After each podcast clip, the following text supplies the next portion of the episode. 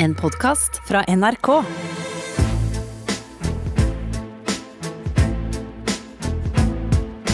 Trump mot verden med Gjermund Eriksen og Sean Henrik Matheson. Ja, jeg tror at vi må ta gladstemning innover oss og høre litt på Donald Mood and Mode. I'll walk in there, I'll kiss everyone in audience.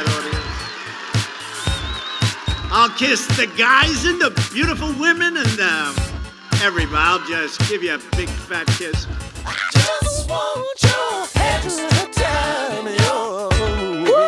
Kiss! Han vil kysse menn. Ja! Han liker å leke med seksualitet. Ja. Han har jo spøkt med at han uh, ville ligget med dattera si dersom hun ikke var dattera hans.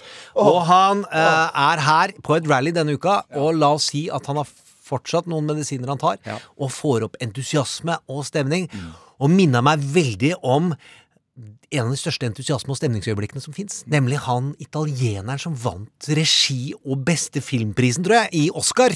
Eh, og la oss bare høre på hva der Donald egentlig var. En indre italiener. Thank you. I live here the Oscar, but I want to you. I want to be rocked by the waves of your beauty. Come here. Thank you, thank you. This is a, a moment uh, of joy, and I want to kiss everybody because you are the image of the joy. And uh, he who kisses the joy as it flies lives in eternity sunrise, that said the poet. And this is wonderful to be here. Wonderful. I feel like now really to to, to dive in this ocean of uh, of, of uh, generosity. This is too much.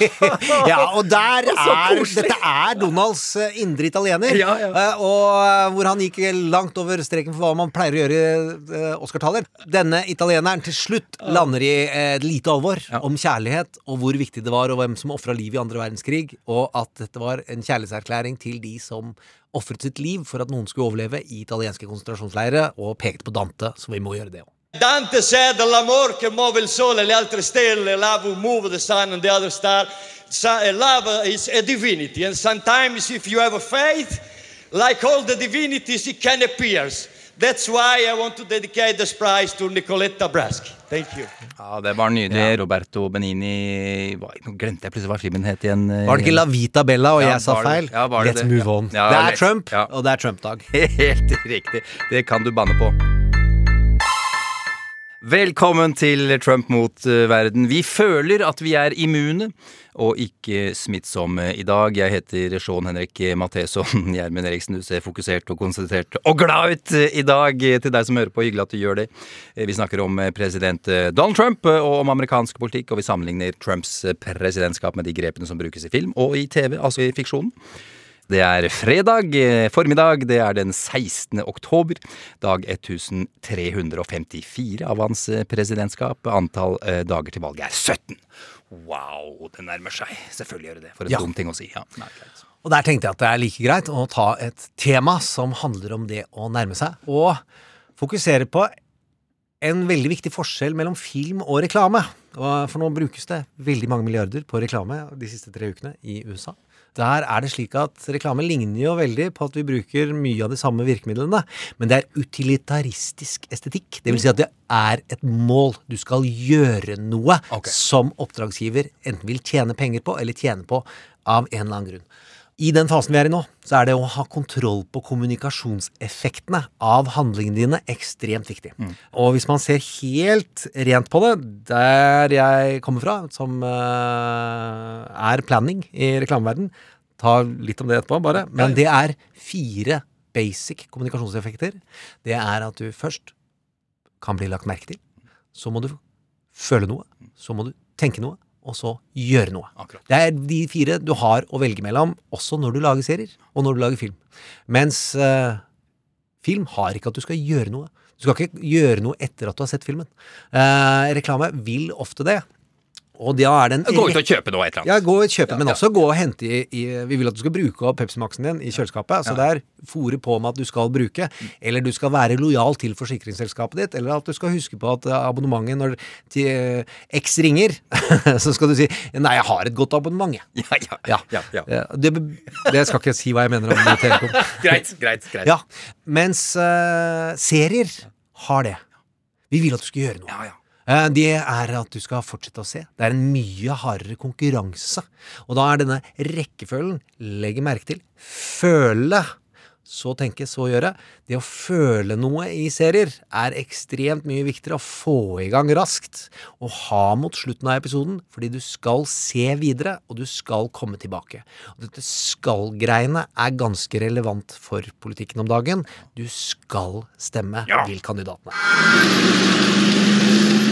La oss nå gå til det som er den beste førsteepisoden i verdenshistorien. Og det mener ikke bare jeg, det tror jeg vinner de fleste kåringer som er seriøse blant bransjefolk og blant publikum. Og det er Breaking Bad. Vi skal ikke spoile serien, men den begynner med en ganske sliten mann som eh, kjører en bil, en, eh, hva kalles det, en camping, eh, campingbil, eh, vilt nedover gjennom en ørken, og kjører av veien ut ramler han med en gassmaske og ei truse, og han er helt ute å kjøre, og han er livredd. River av seg gassmaska, løper inn i den bussen, og der ligger en fyr som du tror kanskje er død, eller noe sånt. Og han tar et videokamera, og så tar han en pistol og stikker i trusa. Så går han ut, og så hører du sirener, og sirener som kommer, og er, han tenker nå må jeg Nå må jeg gi beskjed til de jeg er glad i, på et eller annet vis. For nå er det over. Skjønner du når du ser det. Kan du høre her hva han spiller inn på den videoen. My name is Walter Hartwell White. I live at 308 Negra Arroyo Lane, Albuquerque, New Mexico, 87104. To all law enforcement entities, this is not an admission of guilt. I am speaking to my family now. Skylar, you are the love of my life. Walter Jr., you're my big man. There are, there are going to be some things, that you'll come to learn about me in the next few days. I just want you to know that no, no matter how it may look, I only had you in my heart. Så han sier at han skal ta livet sitt, eh, og vil si adjø til sin sønn og sin kone, som han elsker. Jeg ble, jeg ble helt vilt rørt, Ja, fordi ja, han har en handikappa sønn i tillegg, eh, som har CP. Eh, og det er Stiller seg opp med pistol, og sirenene kommer, og han ser ut som han enten skal skyte seg sjøl eller skyte på politiet for å få dem til å skyte seg. Det er en ekstremt emosjonell hook, og så kommer svaret i slutten av episoden. Den må du gå og se. Så det der handler jo om emosjoner. Eh, Så legg merke til, føle, tenke, gjøre. Det å få folk til å gjøre.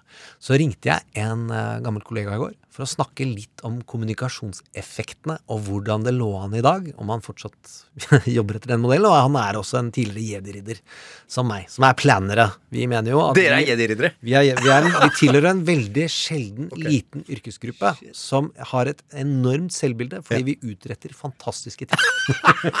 Mener vi. Ok, greit. Poenget er at en planner jobber med å få all informasjon om hvordan pengene flyter, eller makten flyter i et prosjekt, og så snakker du med menneskene, eller du får tilgang på research, eller lager research om hvordan bli kjent med menneskene, og så finner du ut hva slags kommunikasjon kan bygge bro mellom forretningsutfordring og menneskene, og så snakker du med kreatørene om hvilke budskap folk skal ha til hvilken tid, i hvilken kanal, gjennom et år. Det er det planneren gjør.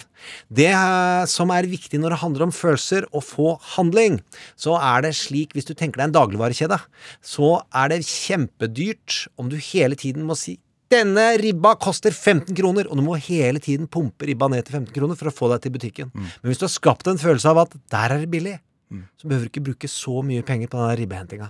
Og det er de to nivåene for handlingsutløsende kommunikasjon. for folk til å gjøre noe.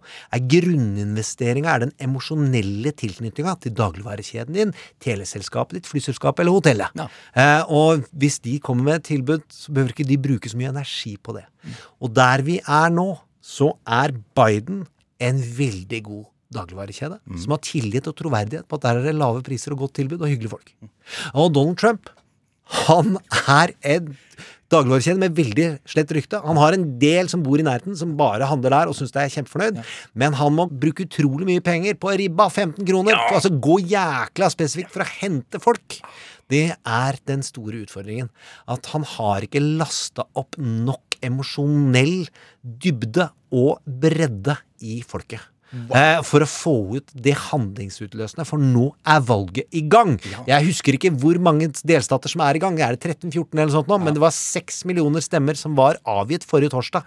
Og hver dag må du få folk til å stemme på deg, og når de har stemt ikke på deg, så er de tapt. Ja. Så det er dagen i dag. Skal handle om følelser, og at det går mot slutten. Og nå er det handling som gjelder. Ja, vi skal jo snakke om tre ting i dag som vi, vi pleier, og helt overordna kan vi jo si at eh, ja, altså går det nå mot slutten for Donald?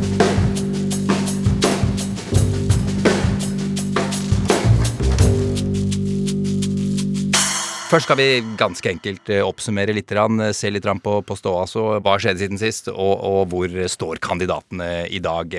Vippestaten, eksempel, hvordan ligger han der? Det er jo der spenninga ligger, som vi sier eh, ja, hver eneste fredag, egentlig. Vi skal snakke om endetidstegn i dag. Oh, det er dystert og mørkt, og jeg liker det, Gjermund. Vi, og vi mistenker jo på sett og vis at vi også er i ferd med å gå inn i endetiden selv, Gjermund, som podkast. Bank i bordet. Bank i bordet. Vi går videre. Vi Ja, vi- kommer til det, ja. Ja, vi gjør det. Eh, Vi skal fortelle litt om planene våre fram mot valget, eller fram mot 20. januar, kanskje da 2021 litt seinere. Vi skal innom Høyesterett også. De er i ferd med å få et eh, nytt medlem, Amy Coney Barrett. Av godteribiter og digg eh, skal vi by på en rekke ting i dag, f.eks. dette her. Ruby, Ruby, Ruby, Ruby! Ja da! Rudy Giuliani leverer i dag også, han eh, Gjermund. Han har vært på tokt eh, på vegne av eh, Donald i Philadelphia. Hadde leid et stort konferansesenter, men de ble kasta ut derfra. Eieren visste visstnok ikke at det var det det skulle brukes til, altså et Trump-rally. Eh, Så i stedet så havna de på kontorene til eh, Trump-kampanjen. Avdeling Philadelphia, altså ca. 75 personer var det plass til der. Mange med maske, faktisk, med det italienske flagget og med skriften 'Save Columbus' på. Eh, viktigste budskapet til Rudy denne kvelden her var 'Folk dør ikke lenger av covid-19'. Det er bare noe demokratene finner på for å skremme folk. People don't die of this disease anymore. No, they don't. Young people don't die at all. Right. Middle-aged people die very little. And even elderly people have only a 1% chance to die. Ja, det er imponerende faktafritt fra Altså hans mest lojale eh, soldat. Ja, helt riktig. Og samtidig, er det verdt å nevne dette her, så har eh, Rudy Giulianis datter sagt høyt og tydelig fra. Jeg stemmer Biden, bare så det er helt klart for alle mann. Eh, Det har hun gjort gjennom et innlegg i Vanity Fair. Er ganske knallhard der, eh, faktisk. Hun sier blant annet We are hanging by a single slipping finger off a cliff's edge, and the fall will be fatal.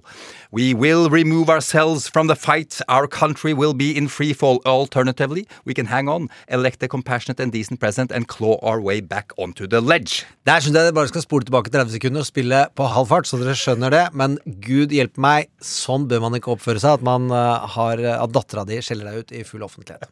Vi trenger også å forstå at latter har ulike konnotasjoner og denotasjoner, og her er det vel av en type ikke god latter.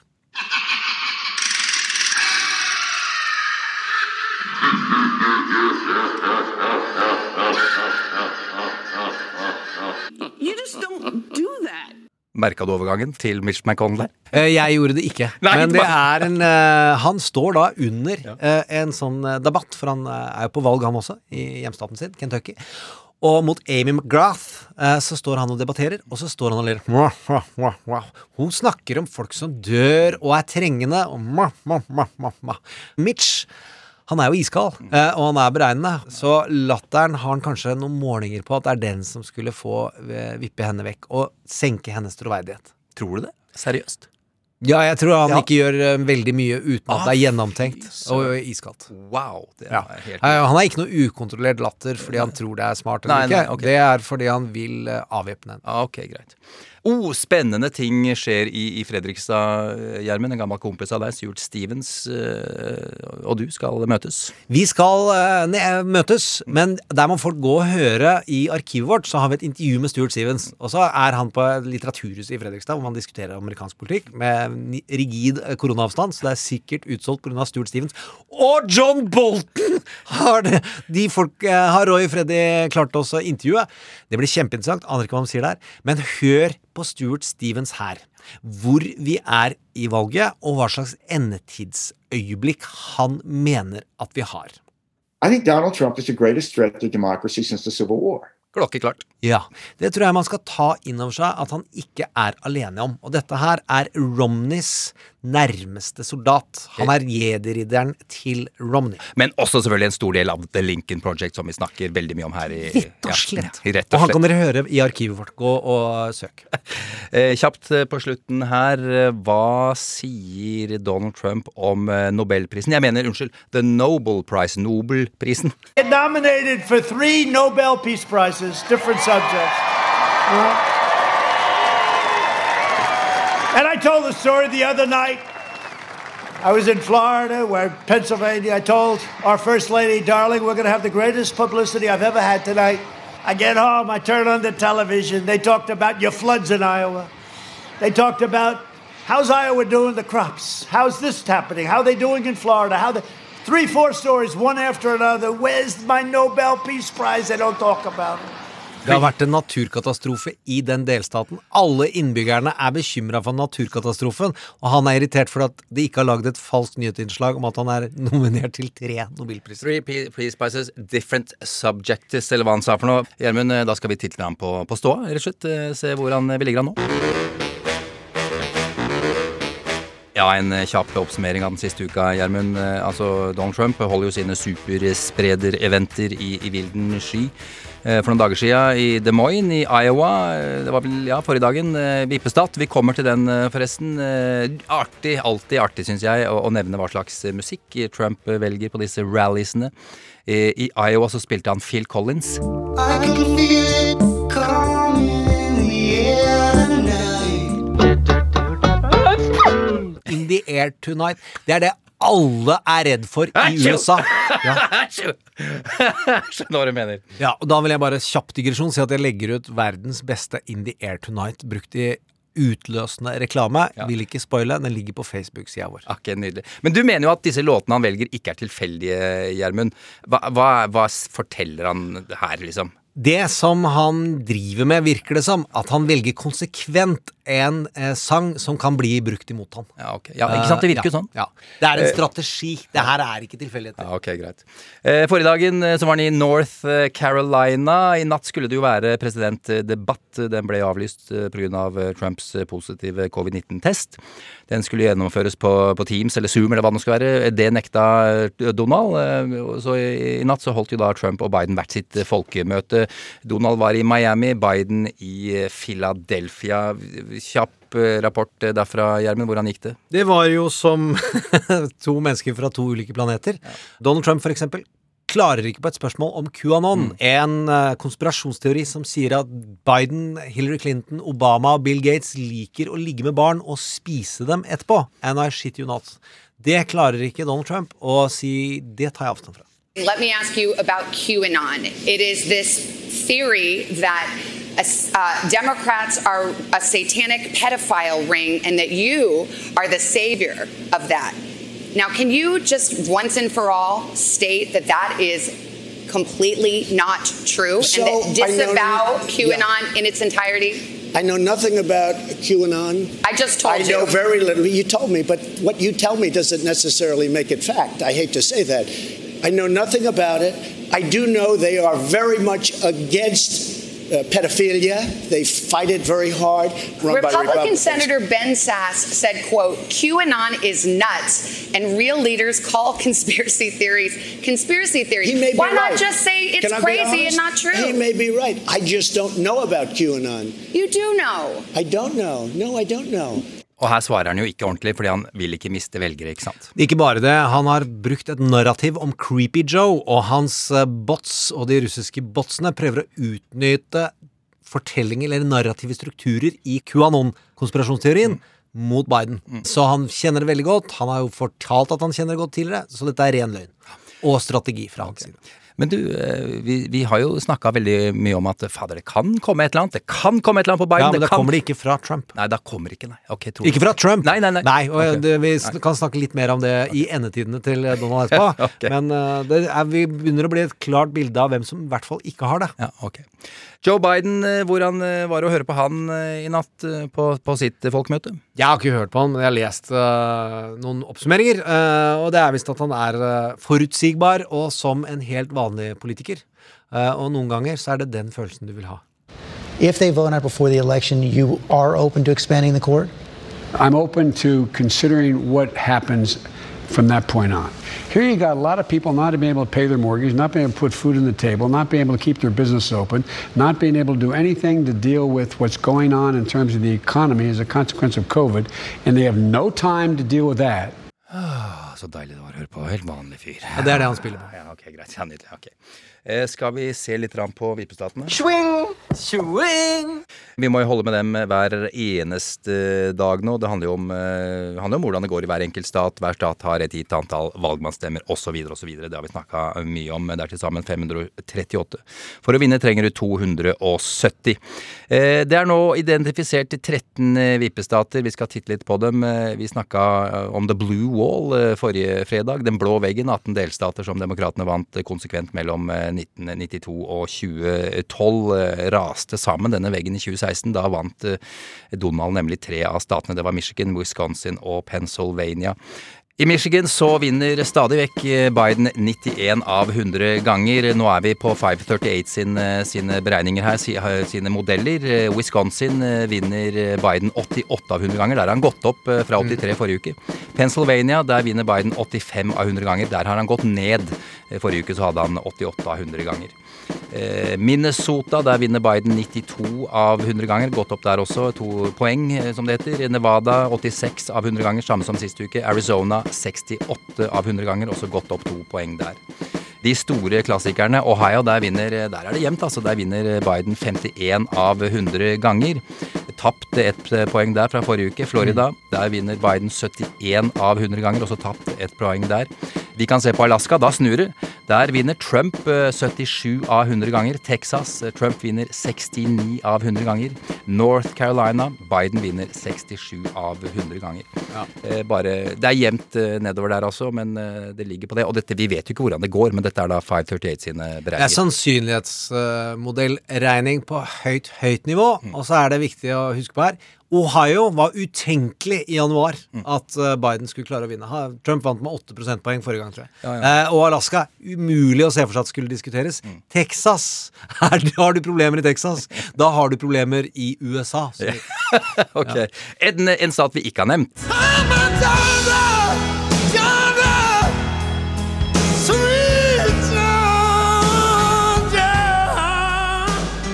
Oh, Georgia, altså, i denne, denne uka. Så vippa det i Bidens favør. Det vil si bikka rett 50, 50, eh, 50,1. Men allikevel, har du problemer i Georgia, da har du store, store problemer. Og nå må Donald Trump bruke en liten rest av de pengene han har, eh, på å forsvare seg en delstat han aldri skulle være Det skulle vært nødvendig at han forsvarer seg. David Pluff, som er en av jedridderne til Barack Obama under David Axelrod, så er det David Pluff. Han er ikke flink til å være empatisk, men han er en glimrende strateg. Så han snakker veldig fort og er utrolig sinna i stemmen. Eh, han sa at dette er, er helt utrolig. At Georgia nå er i spill, kan han takke seg selv for.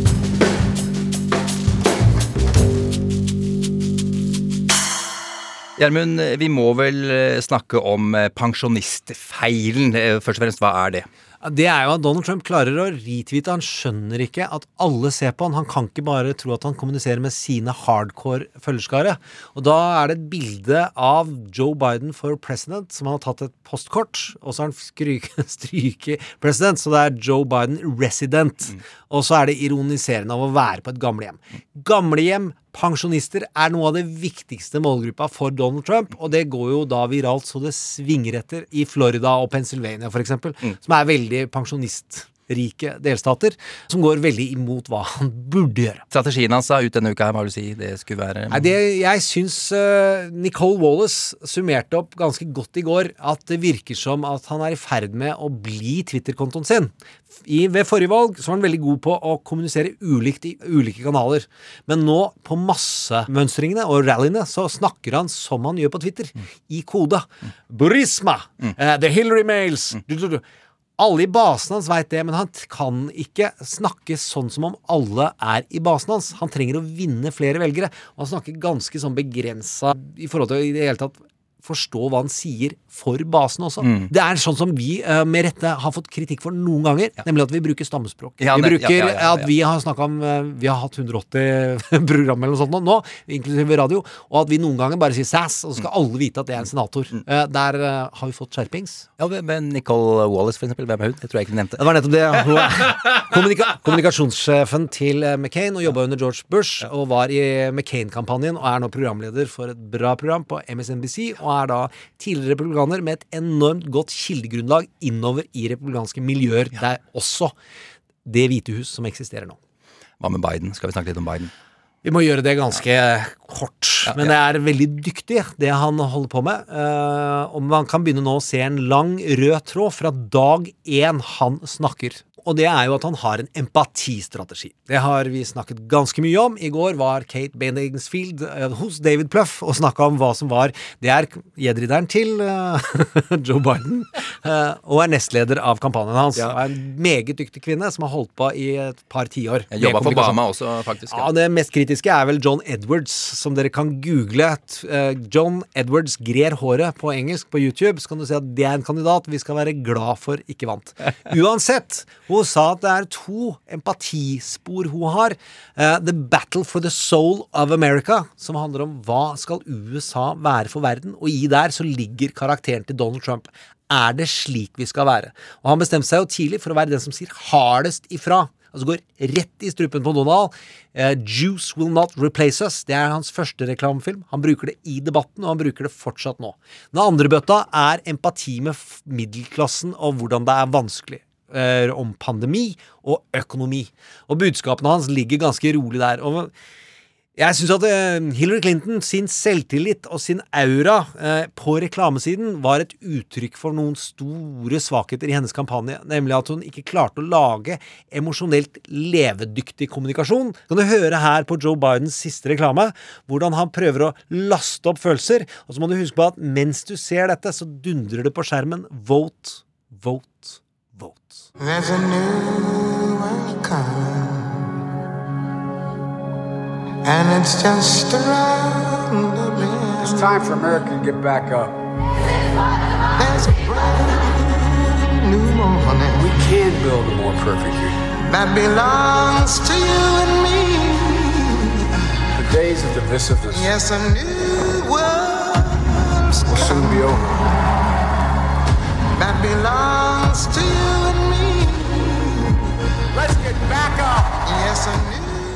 Jeg er så emo, så jeg kan love deg én ting. Hvis det hadde vært Donald Trump som snakka der, så hadde jeg grinet da òg. Ja, Men det er vote, det er vote, og det er vote, og det er emosjonell appell til handling. Altså handlingsutløsende kommunikasjon. Der kommer handlingsutløsende budskapet inn i igjen. Hva skal vi si om styrkeforholdet nå når det er tre uker igjen? Blant annet kan vi se på pengene. Den ene har masse til å bedrive handlingsutløsende emosjonell kommunikasjon. Og den andre må skrike selektivt i de delstatene han prioriterer, for han har ikke penger til å forsvare seg alle. Han spiller sjakk, han har svart, han har mista masse brikker, og Magnus Carlsen sitter og spiller hvitt. Veit at dette kan tolkes som hybris på Bidens vegne. Det er veldig viktig å huske på Trump kan fortsatt vinne. Bare vi ikke får en remis òg. Men hvis man ser analytisk på reklamen, på pengene, på kampanjen, på målgruppene, så har Biden nå et styrkeforhold. Uh, og jeg tror det er på tide å spille REM. It's the end of the world as we know it. It's the end of the world as we know it. I feel Trump mot verden. Som vi akkurat snakka om, eh, alle meningsmålinger tyder på at Joe Biden vinner, og at eh, Donald Trump eh, taper. Men, som jeg har sagt én milliard ganger, du sa det for to sekunder siden, Gjermund, eh, så er det, så det omtrent eh, likt ut på samme tid foran valget i 2016. Også Hillary Clinton leda stort, men eh, tapte med andre ord. Vi, vi kan ikke vite sikkert. Kanskje Donald vinner, kanskje han taper. Og dersom han taper, og meningsmålingene går inn sånn noenlunde, så kan det hende han taper stort. Det kan hende vi kommer til å oppleve et landslide election, et valgskred. Og, og igjen, det handler jo ikke om personstemmer i USA, det handler om disse valgmannsdelegatene. Valgskred det har skjedd før i amerikansk historie. Det, det aller største opplevde demokraten Franklin D. Roosevelt i, i 1936 til sin fordel. Han kjempet mot en fyr du aldri har hørt om før, Alf Landon. Ja, det er ikke sant, for jeg har bare plakater av han i kjelleren. det er faktisk Jeg har ikke, jeg har ikke hørt om det. Roosevelt fikk eh, 98 8,5 av valgmannsstemmene. Vi holder oss til det i dag. Det høres litt rart ut kanskje, men sånn er det. Vi skal til eh, nyere historie for å se om noen kan eh, matche det. Det var eh, Ronald Reagan. I 1984 fikk han nesten 98 av stemmene. Valgmannsstemmene. Valgmannsstemmene, Og det var mot Walter Mondale. Du husker han semi-norske demokraten. Reagan fikk for øvrig 91 av stemmene mot Jimmy Carter i 1980. Han er god til å vinne, var rett og slett det. Ja, og da snakker vi om landslides som har skapt enorme sår eller håp. Helt på ulike sider av eh, Alle har lyst på en Reagan victory, og det blir dramatisert i West Wing-serien at eh, den republikanske konkurrenten til den latinokandidaten, han vil vinne i 50 delstater. Som er den første. Sist gang det var noe som kunne minne om et landslide, det var i 1988. Det var da Bush den eldre vant mot eh, demokraten Michael Dukakis. Siden da har det vært eh, relativt eh, jevnt, eh, Gjermund. Hva er endetidstegnet for Donald? Det er jo at eh, han har et par av disse inni hodet sitt. Nei, særlig Reagan vant med landslide. I andre enden at Reagan vant med landslide, så var det noe av det Donald Trump frykter absolutt mest. Å bli en loser.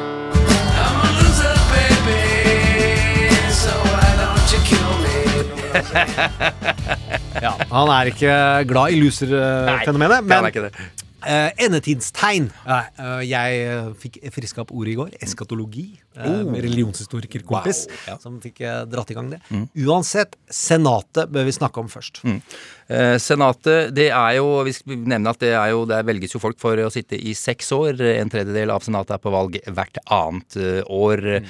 Tegn nummer én. Mitch McConnell Mm. sa denne uka at uh, Vet du hva, jeg har ikke vært hos Donald Trump mm. siden 8. august. Ja. orker jeg ikke det. Et tydelig signal om at jeg er ikke med i denne pandemihåndteringen. Et annet viktig signal er at New York Times gjorde en oppsummering av alle de som er på valg på republikansk side, sine reklamer. Og nesten ingen nevner Trump. Med andre ord, Trump trekker dem ned.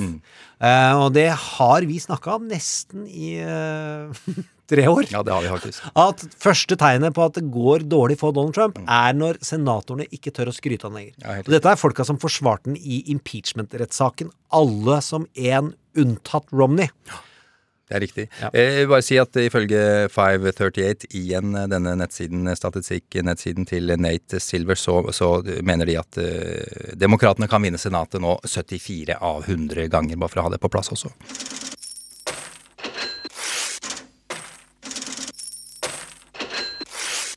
Og det neste, money. ja, tusen takk. Og på pengene så er det et veldig viktig signal som har egentlig startet i sommer, men du ser konsekvensen av nå. Donorene har slutta å gi store summer. Donald Trump må skryte av at han bruker 100 millioner dollar av sine egne penger, noe som er løgn, men han prøver å vise at jeg har tro på at jeg vinner. Det er det mange donorer som ikke har. Eh, Biden henta inn eh, 383 millioner dollar i september. Eh, Trump eh, kommer inn der med nesten 250 millioner dollar, eh, Gjermund. Det er opp eh, fra Altså i september, det er opp eh, fra 210 i august. Eh, Jo da, men du Hva skal, betyr det? du skal forvente en vekst inn mot innspurten, men det er ikke vekst som matcher Biden. Og så har vi noe som er kanskje enda verre hvis vi snakker om emosjonell kommunikasjonseffekt. Noe som berører folk, og som de føler i randsonene i basen hans. Og det er at de nærmeste svikter han. Altså at det er svakhet i lojaliteten. Noe Donald Trump har setter absolutt øverst. Vær meg lojal. Med unntak av Rudy, så har vi denne uka Barr, som ikke klarer å levere Durham-rapport, sånn som Donald Trump vil. Han ville ha en etterforskning som slenger dritt om Biden og folk eh, i Obama-administrasjonen. At de på et eller annet vis skulle jukse med valget for at han skulle tape. Da hadde de fått han til å tape. Det andre er eh, en annen rapport som handler om unmasking. Der folk i Obama-administrasjonen hadde behov for å vite hvem er det som snakker med russerne i etterretningspapirene de mottok. Og da unmaska de navnet og fant Flynn. Det har de prøvd å lage noe kriminelt av i, i i årevis. Og det går også tilbake til hvordan de lagde et narrativ om Hillary Clintons hovedrådgiver, eh, og at hun også drev med unmasking. Eh, men eh, samme det, det har ikke fått fot i Justisdepartementet. Og Barr, som er hans mest lojale støttespiller, snakker Trump om at han ikke kan garantere at har jobb etter valget. Med andre ord, han viser svakhet i laget sitt, i en base som er ekstremt opptatt av å holde sammen. Barr, altså William Barr, eh, justisminister eh, Gjermund. Se for deg Jabba the Hutt og skriv justisminister i USA under. Og du har flere. Du har Chris Christie, som er ute og tar han, Dette er fyren som trente han opp til debatten. Ble smitta hos høyesterettsfeiringa. eh, og er, lå med astma og et overvekstproblem. Eh, og kommer tilbake og sier følgende til New York Times, du kan lese Yeah. sitatet. I believe when I entered the White House grounds that I had entered a safe zone uh, due to the testing that I and many others underwent every day. I was wrong. I was wrong not to wear a mask at the Amy Coney Barrett announcement, and I was wrong not to wear a mask at my multiple debate prep sessions with the president and the rest of the team. Det er en kompis som står og peker på deg. Han tok kaka! Han tok kaka! Jeg har ingenting med dette å gjøre. Og her lukter det av Chris Christie at han satser på 2024-kandidaten, og kanskje på at han har lyst til å prøve å være det sjøl. Samme av det, det fins flere. Du har Ben Sass, en utrolig kjekk, flott eh, republikansk senator, som har lagt seg utrolig tett til Donald Trump når han skjønte at det toget var vanskelig å gå av. Eh, og i et par år, og ganske skuffende, gir ut en bok i året før det for å lansere seg som presidentkandidat, og han har lyst til å bli president. Han tar ikke rent lite avstand til sin partileder, og da kan vi høre her ting som ville gjort eh, folk i et parti utrolig bekymra. the way he kisses dictators' butts. I mean, the way he um, ignores that the Uyghurs are in literal concentration camps in Xinjiang right now. He hasn't lifted a, a finger on behalf of the Hong Kongers. I mean, he and I have a very different foreign policy. It isn't just that he fails to lead our allies, it's that we, the United States now regularly sells out our allies under his leadership. The way he treats women and spends like a, a drunken sailor, he mocks um, evangelicals behind closed doors. His, his family has treated the presidency like a business opportunity. He's flirted with white supremacists. I mean, the the places where we differed on COVID, the debate is not going to be, you know. Ben Sass, why were you so mean to Donald Trump? It's going to be what the heck were any of us thinking um, that selling a TV obsessed, narcissistic individual to the American people was a good idea? It is not a good idea. Han er ganske klar der. Ben Sass er for øvrig på valg eh, som senator i Nebraska.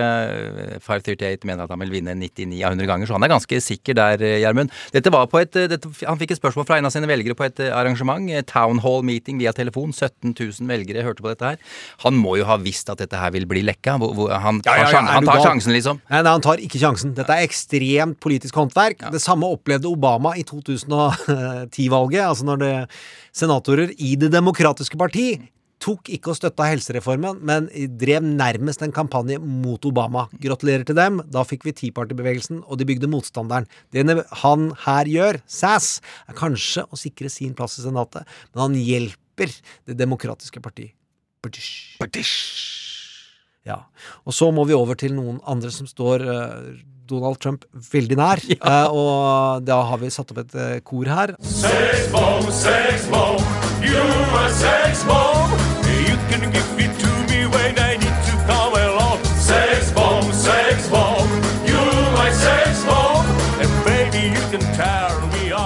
de er gode. Russisk armés mannskor der. Ja, og det er kort fortalt. Eh, russerne ser ikke ut som har eh, lada hagla skikkelig denne gangen. Det har kommet noen eh, innbrudd i Burisma, et firma som sønnen til Joe Biden jobbet for, eller satt i styret for, og fikk hva da, 50 000 dollar Ja, i noe måneden for. Ja, ja. Ganske mye penger. Eh, men det har ikke kommet noe ordentlig. Nei, Eh, det har ikke kommet noen sånn Hillary-emails som forrige gang, eh, og det tyder vel på at kanskje ikke russerne heller har.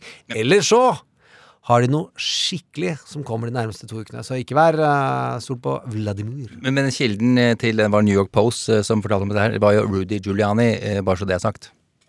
Nei, men de har fått e-poster som er hacka fra Burisma. Rudy Giuliani er jo enda drøyere, fordi han har blitt fortalt at han møter russiske etterretningsagenter fra GRU, som later som de jobber for Ukraina.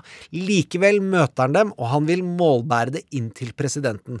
Da tar eh, den nasjonale sikkerhetsrådgiveren som Donald Trump har ansatt, og forteller Donald Trump du må ikke tro på Rudy Giuliani. Vi er helt sikre på at dette er GRU-agenter. Da blir han hivet ut. Og GRU er jo da den militære etterretningsdelen av det russiske forsvaret, bare for å ha det på plass også. Det er viktig å ha på plass. Når tilfelle, ja, avhengig av hvem du møter. tilfelle, ja, helt riktig. Ja. Men så har vi den største spilleren av dem alle, som ikke gir eh, ballen til Donalds fordel. La oss si at du har hørt bedre koronametaforer, men koronapandemien går ikke i hans retning. Right now, I'm fighting to eradicate the virus, and we're doing really a good job. We're rounding the turn. The vaccine will end the pandemic, but it's ending anyway. I mean, they go crazy when I say it. It's going to peter out, and it's going to end. But we're going to help the end, and we're going to make it a lot faster with the vaccine and with the therapeutics, and frankly, with the cures. My plan is already crushing the virus. Look at our numbers. Look at our numbers. Ja. Her er vi nødt til å fortelle at dette er fra et rally i går, og da vil det si at det var på torsdag. I dag kom det fram på NRK uh, og mange andre medier at den medisinen han snakker om, funker ikke sånn som han sier. Altså, den funker ikke. Uh, og i tallene, som han sier, they are crushing the numbers. No, they're getting crushed by the numbers. Koronapandemien vokser i 35 av eh, 50 delstater, og det er bare tre den går tilbake. Og Gå på Facebook-sida vår og se den statistikken som vi ble tilsendt av uh, Jon Brane, som faktisk sitter og produserer i dag. Ja, han er ja. i dag. Uh, og hvor du kan se hvordan pandemien utvikler seg per delstat siden juli til nå. Og der ser du at i vippestatene, de han er mest avhengig av, der går det opp. Særlig Florida og Pennsylvania. Se på de, og tenk på pensjonister. De liker ikke dette. Koronaen har stor forklaringskraft på hva Donald sliter med. Sleng på at den tross alt ødelegger økonomien, og han har ikke gjort så mye for å dempe effekten. Okay. Helt til slutt. Han spiller én emosjonell streng veldig mye. Offerrollen. Ah, hvorfor det, Gjermund? Ja, det er jo mange som tror at Donald Trump ikke prøver å vinne. Mm. Det tror jeg veldig lite på. Han prøver alt han kan, men eh, arsenalet av virkemidler så har han blitt begrenset og mer og mer begrenset de siste seks månedene. Mm. Men offerrollen, følelsen av at alle er etter han, og at alle jobber mot han, den trenger han tilfelle han ikke vinner. Mm. Det er forretningsstrategien er å sette opp Trump TV, Mm. lage et mediekonsern for å dra inn penger for å kompensere for de 300-400 millionene han faktisk skylder. Mm. Den andre er jo offerrollen pga. de rettslige prosessene. Å si at de rettslige prosessene, de er ute etter han. Eh, Og hvis han har spilt offeret hardt nok, så vil han jo også spille det i de rettslige prosessene. Dette er ikke sant, dette er fake news. Dere er bare ute etter å ta meg. Mm. Og aller mest så ønsker han jo på the ultimate deal et universal arrestanten løslatelseskort av den neste administrasjonen, og at de gjør sånn som Ford gjorde, benåda Nixon. Det tapte Ford utrolig mye på. Så får vi se om det ligger i Bidens hender, eller om det ligger i Kamalas hender. Fordi rettsprosesser tar lang tid i USA. Det får vi se. Han satser på og håper på at de skal at Offerrollen, ja, ja. offerrollen handler om å vinne noe tilfelle han taper. Ok, greit. Du kan si valget kan bli hans uh, dommedag.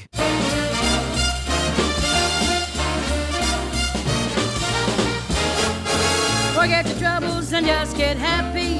You better chase all your cares away. Get ready for the judgment day. Get ready for the judgment day. Get ready for the judgment day.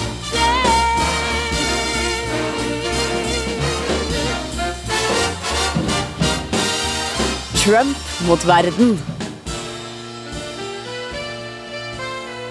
Aldri feil med Ella Fitzgerald, eh, Gjermund. Nei, ja, men det kan jo også gå til slutten mot oss. Men vi vil jo at så mange som mulig er med på alt vi klarer å finne på Ja, før uh, det kanskje er en ny president 20. Ja. 20. januar. Søren. Vi, vi har jo holdt på med dette her i årevis, eh, som jeg snakka om i dag, både på radio og i podkast. Er ikke helt i mål ennå. Det er 17 dager til valget, og det er først eh, 20. januar eh, at en, en ny, eller den sittende presidenten, går løs på en ny periode. Vi har tenkt å gjøre en solid jobb fram til da. Noen kjappe ting om, om hva vi har på blokka, Gjermund? Du skal aldri slåss, og jeg vil gå deg med deg. Altså, vi skal som Bjørn Weidsvåg gå med deg. Jeg er ikke så god på Den Bjørn- så jeg ikke komme i det hele tatt, det var veldig bra. Ja, men vi skal gå deg med deg, og vi skal gå deg med deg. Ja, nei, det jeg syns er vel at vi på tirsdager så vil vi snakke med flinke folk, sånn som vi har gjort i en del uker nå, eh, om spesifikke, spisse temaer. Og på tirsdag så er det overraskelsesgjest.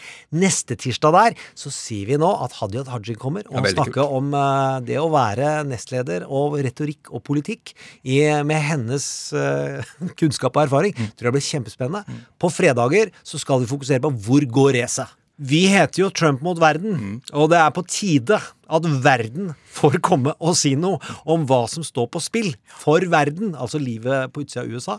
Uh, og der kommer Sigurd Falkenberg Mikkelsen. Sigurd Mr. World Ja. Falkenberg Mikkelsen. Gleder meg veldig til. stor stas Ja, neste fredag. Ja. Fredagen etter der så blir det Blues Brothers Time. putting the band back together.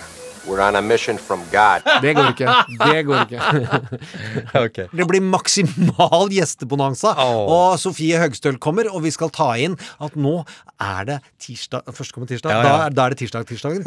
På den mandagen så begynner vi med daglige updates. Klokka tolv om hva som har skjedd siste 24. Tirsdag er sjølve dagen. Hvordan skal vi bruke kvelden og natta? I fosterstilling med mye alkohol, eller, Eller bare være i anstendig kledd og ta inn resultatene fortløpende. Og så den onsdagen så skal vi si hva vi føler i åttedraget, om resultatet foreligger eller ikke. Ja, det skal vi gjøre. Altså Siste uka mot valget altså, så er det hver episode hver eneste dag. Og en gjest hver dag med litt ulike perspektiver på hva du trenger å føle og tenke på og gjøre om valget. Det er ikke for ingenting at Trump mot verden er Norges største politiske podkast, Gjermund Stenberg Eriksen. Eh, Det er jo fordi vi har uh, gjort ja, alt Jeg bare tuller. Det er fordi Trump er utrolig fascinerende! Det er at vi hadde endelig så valgte man et fenomen som er populært.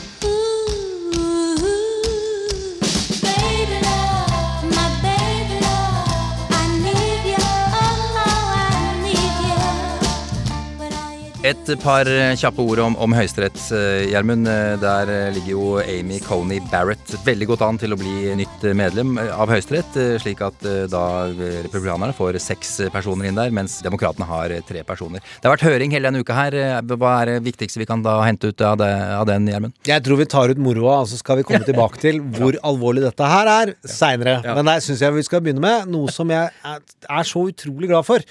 Ja, At hun synliggjør for hun er flink, altså. Flink på skolen, flink kvinne, flink i dommer, eh, flink rettslig. Eh, men eh, hun klarer ikke å huske den femte rettigheten som blir eh, beskyttet i Grunnloven. Um, what are the five freedoms of the First Amendment? speech, religion, press, assembly. Speech, press, religion, assembly. I don't know. What am I missing? redress or protest. Okay. Legg merke til at det er en respektabel tone. Det har blikket eh, hengt ut. Perry, tidligere presidentkandidat, røyk jo fordi han ikke kom på den tredje tingen. Det er ganske slemt. Dette har jo skjedd med oss i studio. Eller la oss si en av oss, han med mye briller. har opplevd det ofte, at det er tre ting. Så husker jeg ikke den tredje. Ja, helt riktig. Ja, og det gjaldt henne òg.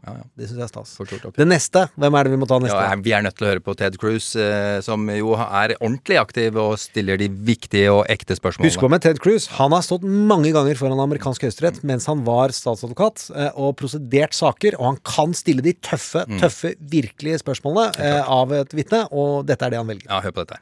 How about music? Do you play any instruments? The piano. Do you? How long have you played the piano? Well, I played the piano growing up for 10 years, and now most of my piano playing consists of playing my children's songs for them and supervising their own piano practice. I look forward one day when I have more time to be able to choose some of my own music. Now, do, do the kids do piano lessons as well? Um, the kids do piano lessons. Some of the older ones who are in high school have gotten so busy with sports and those things that they've stopped, but the younger children do. Our girls are 9 and 12, and we have, they both do piano lessons. And I will say, at least in our household, it is uh, less than voluntary. Ja da. Nei, det var Ted Cruz, det. de, tok, de tøffe spørsmålene der. For å gå tilbake til emosjoner. Ted Cruz gjør egentlig noe her som handler om å være smart. Han drar inn privatlivet hennes, Mm. og så tar han fram privatlivsdetaljer som han håper da at liberale twitterianere, som er pretty loco og kan angripe for alt, angriper henne for privatlivsdetaljer. For det han ønsker, er offerrollen, eh, og at hun da skal eh, kunne si også at hun ble plaget, sånn som Brett Kavanaugh ble. Og så hva med å menneskeliggjøre henne òg? Ja, så klart det er menneskeliggjøring. Det er, det er også en viktig bie, bie, hovedbieffekten. Ja. Men det er også for å få angrep. Siste som vi må ta, Oh. er jo at vi Camela Harris, Ja, som vi sa at i debatten, med uh, Pence, la seg lavt. Mm. Var ikke noe utfordrende, satt ikke på plass. Her fikk vi se liksom statsadvokatkompetansen hennes. At hun kan kjøre vitner. Hun kjører da Høyesteretts Barrett eh, på den måten. Do you accept that COVID 19 is infectious? I, I think yes, I do accept that COVID nineteen is infectious. That that's something of which I feel like you know we could say you take judicial notice of. It's an obvious fact. Yes. Do you accept that smoking causes cancer? I'm not sure exactly where you're going with this, but you know the the notice that It's, it's smoking a causes. question. The question is what it is. You can answer it if you believe. yes or no. Senator Harris, yes, every package of cigarettes warns that smoking causes cancer. And do you believe that climate change is happening and is threatening um, the air we breathe and the water we drink? Um, Senator, again, I was wondering where you were going with that. Um, you have asked me a series of questions like that are completely uncontroversial, like whether COVID 19 is infectious, whether smoking causes cancer, and then trying to analogize that to eliciting an opinion on me that is a very contentious matter, opinion from me that is on a very contentious matter of public debate. And I will not do that. I will not express a view on a matter of public policy, especially one that is politically controversial, because that's inconsistent with the judicial role, as I have explained. Thank you, thank you, Judge Barrett. And, and you've made your point clear that you believe it's a debatable point. Og så skal vi komme tilbake til hva dette har av konsekvenser. Absolutt viktigst eh, er det jo at abortloven er i spill. Mm. Og Amy Coney Barrett har som mål eh, å eh, gi fosteret Mm. Menneskestatus. Mm. Det vil si at det blir forbudt i USA å ta abort. Ja, for da dreper du et menneske, og det er forbudt å drepe et annet menneske, og der er vi. Og Ja, da det kalles fetal personhood. Akkurat. Det har hun ikke røpet uh, her, men hun har skrevet under på papirer tidligere Mm. om at hun ønsker å gi fosteret status som mennesker. Som er et ganske katolsk standpunkt. Det kan du si, og hun er jo dypt religiøs og av eh, katolsk eh, overbevisning. Og dermed så blir jo da kan abort bli forbudt i hele USA.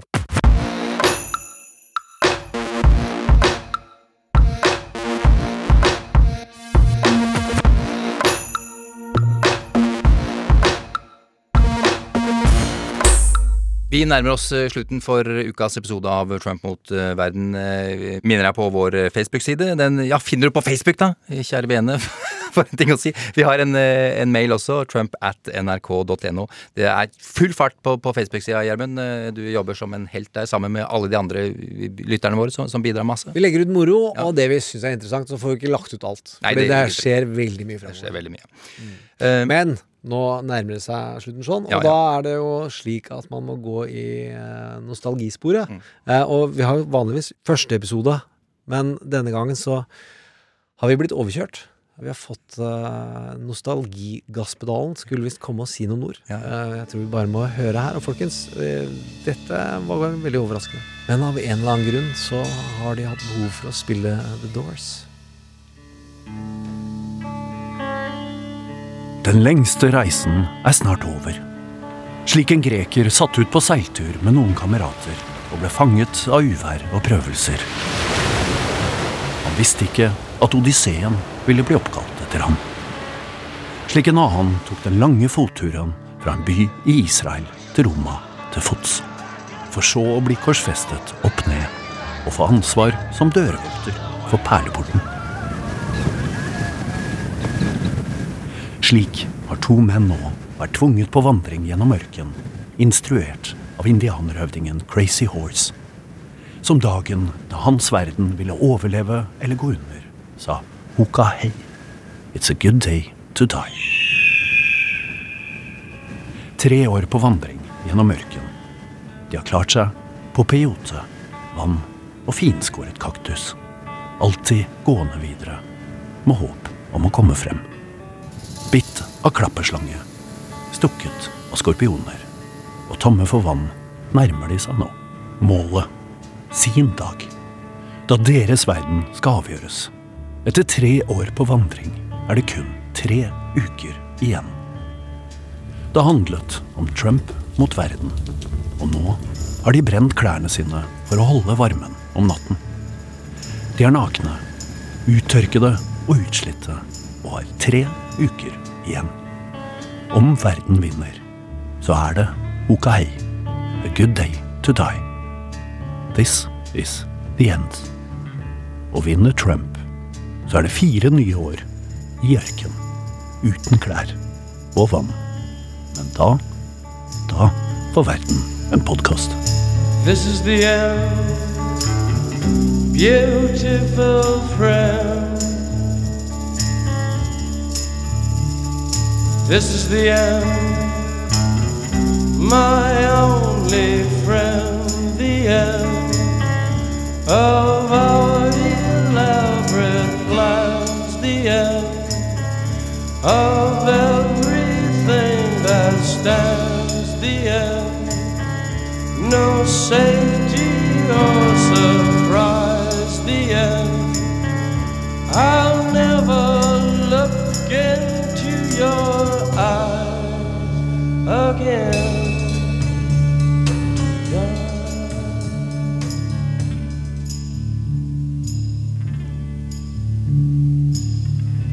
This is the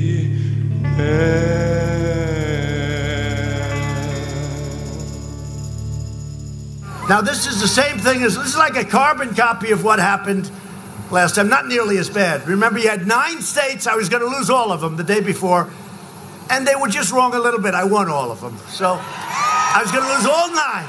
Du har hørt en podkast fra NRK. Hør flere podkaster og din NRK-kanal i appen NRK Radio. En podkast fra NRK. Hva med en podkast som plukker ut de viktigste nyhetene for deg? Både fra Norge og verden. Og som snakker om dem på en sånn måte at du ikke klarer å la være å høre på. En snarvei til skikkelig peiling. Hør nyhetspodkasten Oppdatert Med meg, Ragna Nordenborg. i appen NRK Radio.